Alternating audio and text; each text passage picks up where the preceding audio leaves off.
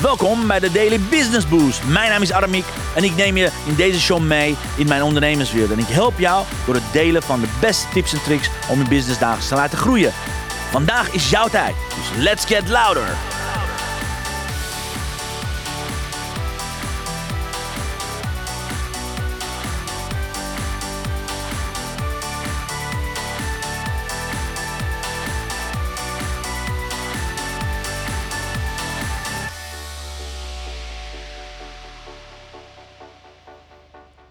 Ja, lieve luisteraars, van harte welkom. Uh, ik heb je even gemist, want als het goed is heb je afgelopen keren Sita horen voorlezen. En nu ben ik hier weer. Nu ben ik hier weer om met je samen aan de gang te gaan. En, en de grap is, Sita heeft net uit de uit, uh, uit het boek zitten lezen. En ik zit hem vanuit, uh, vanuit het e-book te lezen. Dus de pagina's kloppen helemaal niet met het e-book. En met, dat besef ik nu pas.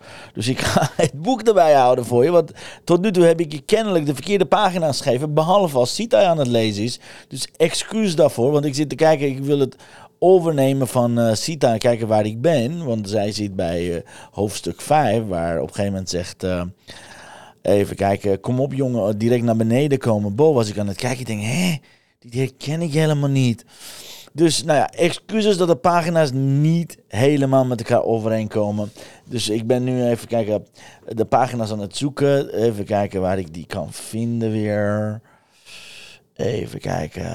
Da, da, da, je hebt nog geen lift gezien, bla bla bla. Ja, hier. Direct naar beneden komen zodat je klaar bent. Nou ja, ik zou zeggen, ik begin te lezen op pagina 63 van het boek en pagina 97 van het e-book. Dus excuus als je tot zover in verwarring bent gebracht, want dat merk ik nu ook pas van, hé, hey, de, de paginanummeringen kloppen niet. Dus wat ik ga doen, ik ga beginnen vanaf het moment dat op pagina 63 in het boek zegt, direct naar beneden komen als je zodra klaar bent. Bo, dat is wat Evelien tegen Bo zegt en Bo zit dus bij die school. En uh, zo gaan we verder.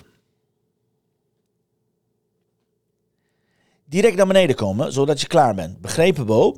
En tegen monsieur Ivan zei ze, u weet dat, ik, dat, dat hij niet kan praten. Ja, maar de muziek doet het, het woord voor hem. Niet waar, zei hij. Onderwijl naar mij kijkend. Zonder verder iets te zeggen opende hij de deur en loodste me naar binnen.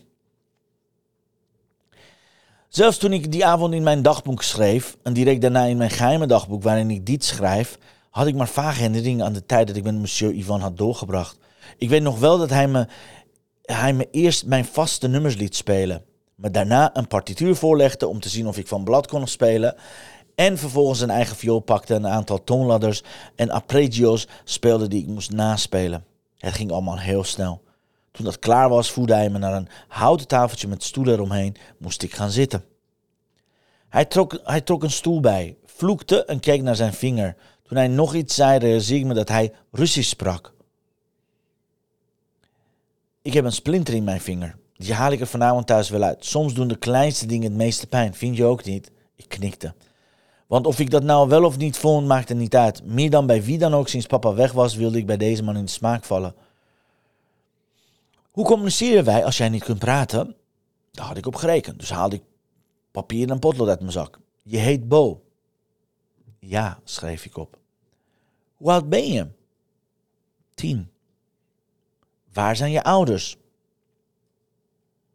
Mijn moeder is dood en waar mijn vader is, weet ik niet.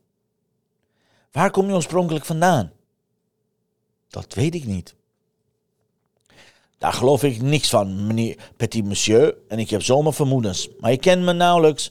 En uh, wij emigrés zijn zuinig met persoonlijke informatie. Klopt dat? Ja.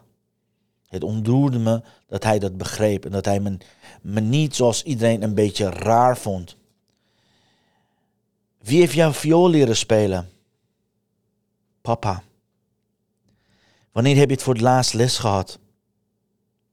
Ik probeer me dat te herinneren, maar dat wist ik niet zeker.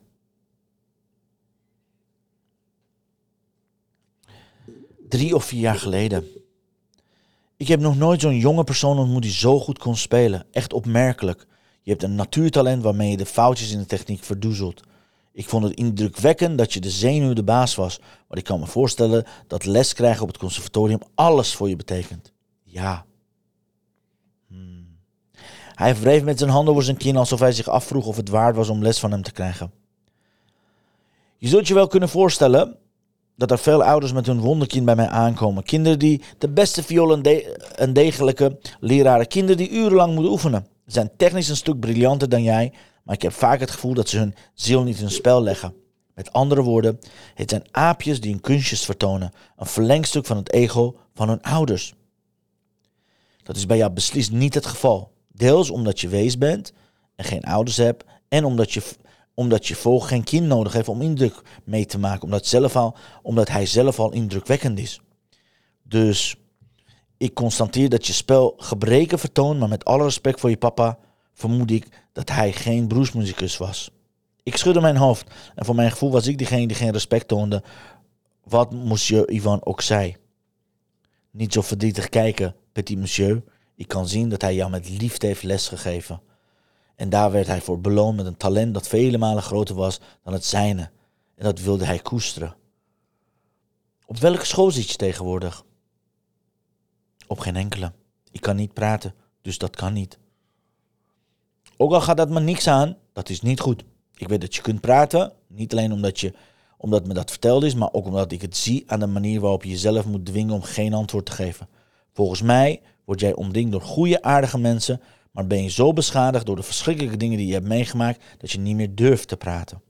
Ik hoop voor jou dat er een tijd komt waarin je dat wel weer durft.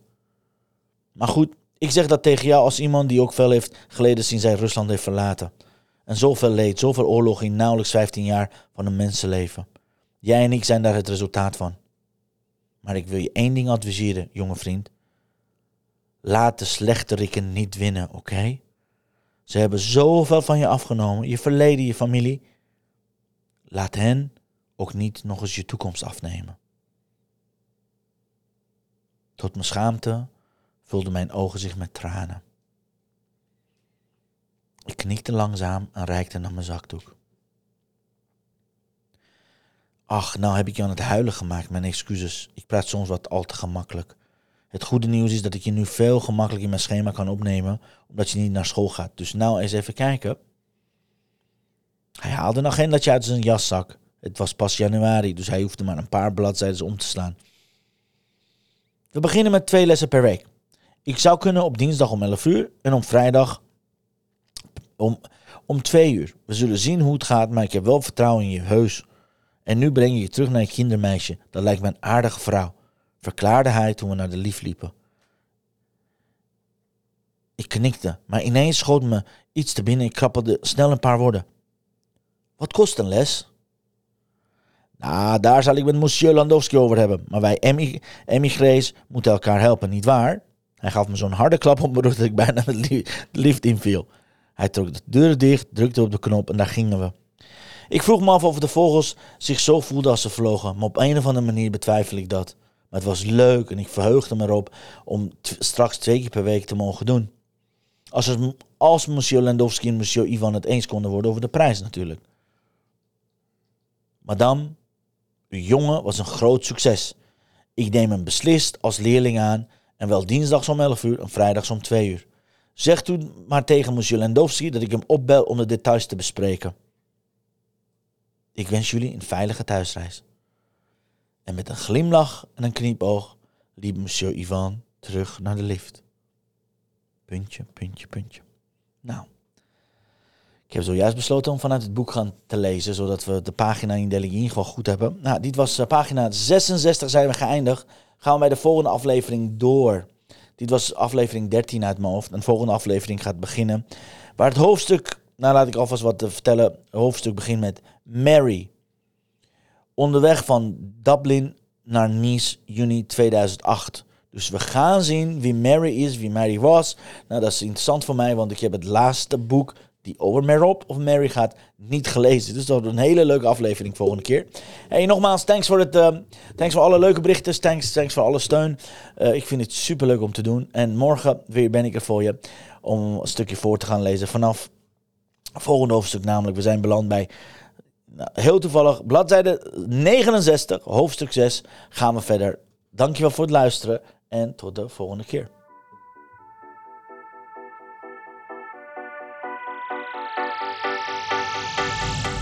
Dankjewel voor het luisteren naar mijn live show. Geweldig. Wil je een keertje nou live bij mijn live show aanwezig zijn? Dat kan. Elke dag om 10 uur ben je van harte welkom via LinkedIn Live, Facebook Live of YouTube Live. Je vindt me als je mijn naam intipt in de zoekbalk op LinkedIn, Facebook of YouTube. Ben je nou erg leergierig? Wil je nu je business laten accelereren? Download dan nu helemaal gratis mijn e-book met de allerbeste 100 social selling tips op www.dailybusinessboost.nl. Zoals ik altijd zeg, wij zijn ondernemers. Wij zijn de kracht van de economie. Maak het verschil, iedere dag, iedere uur. En tot de volgende keer.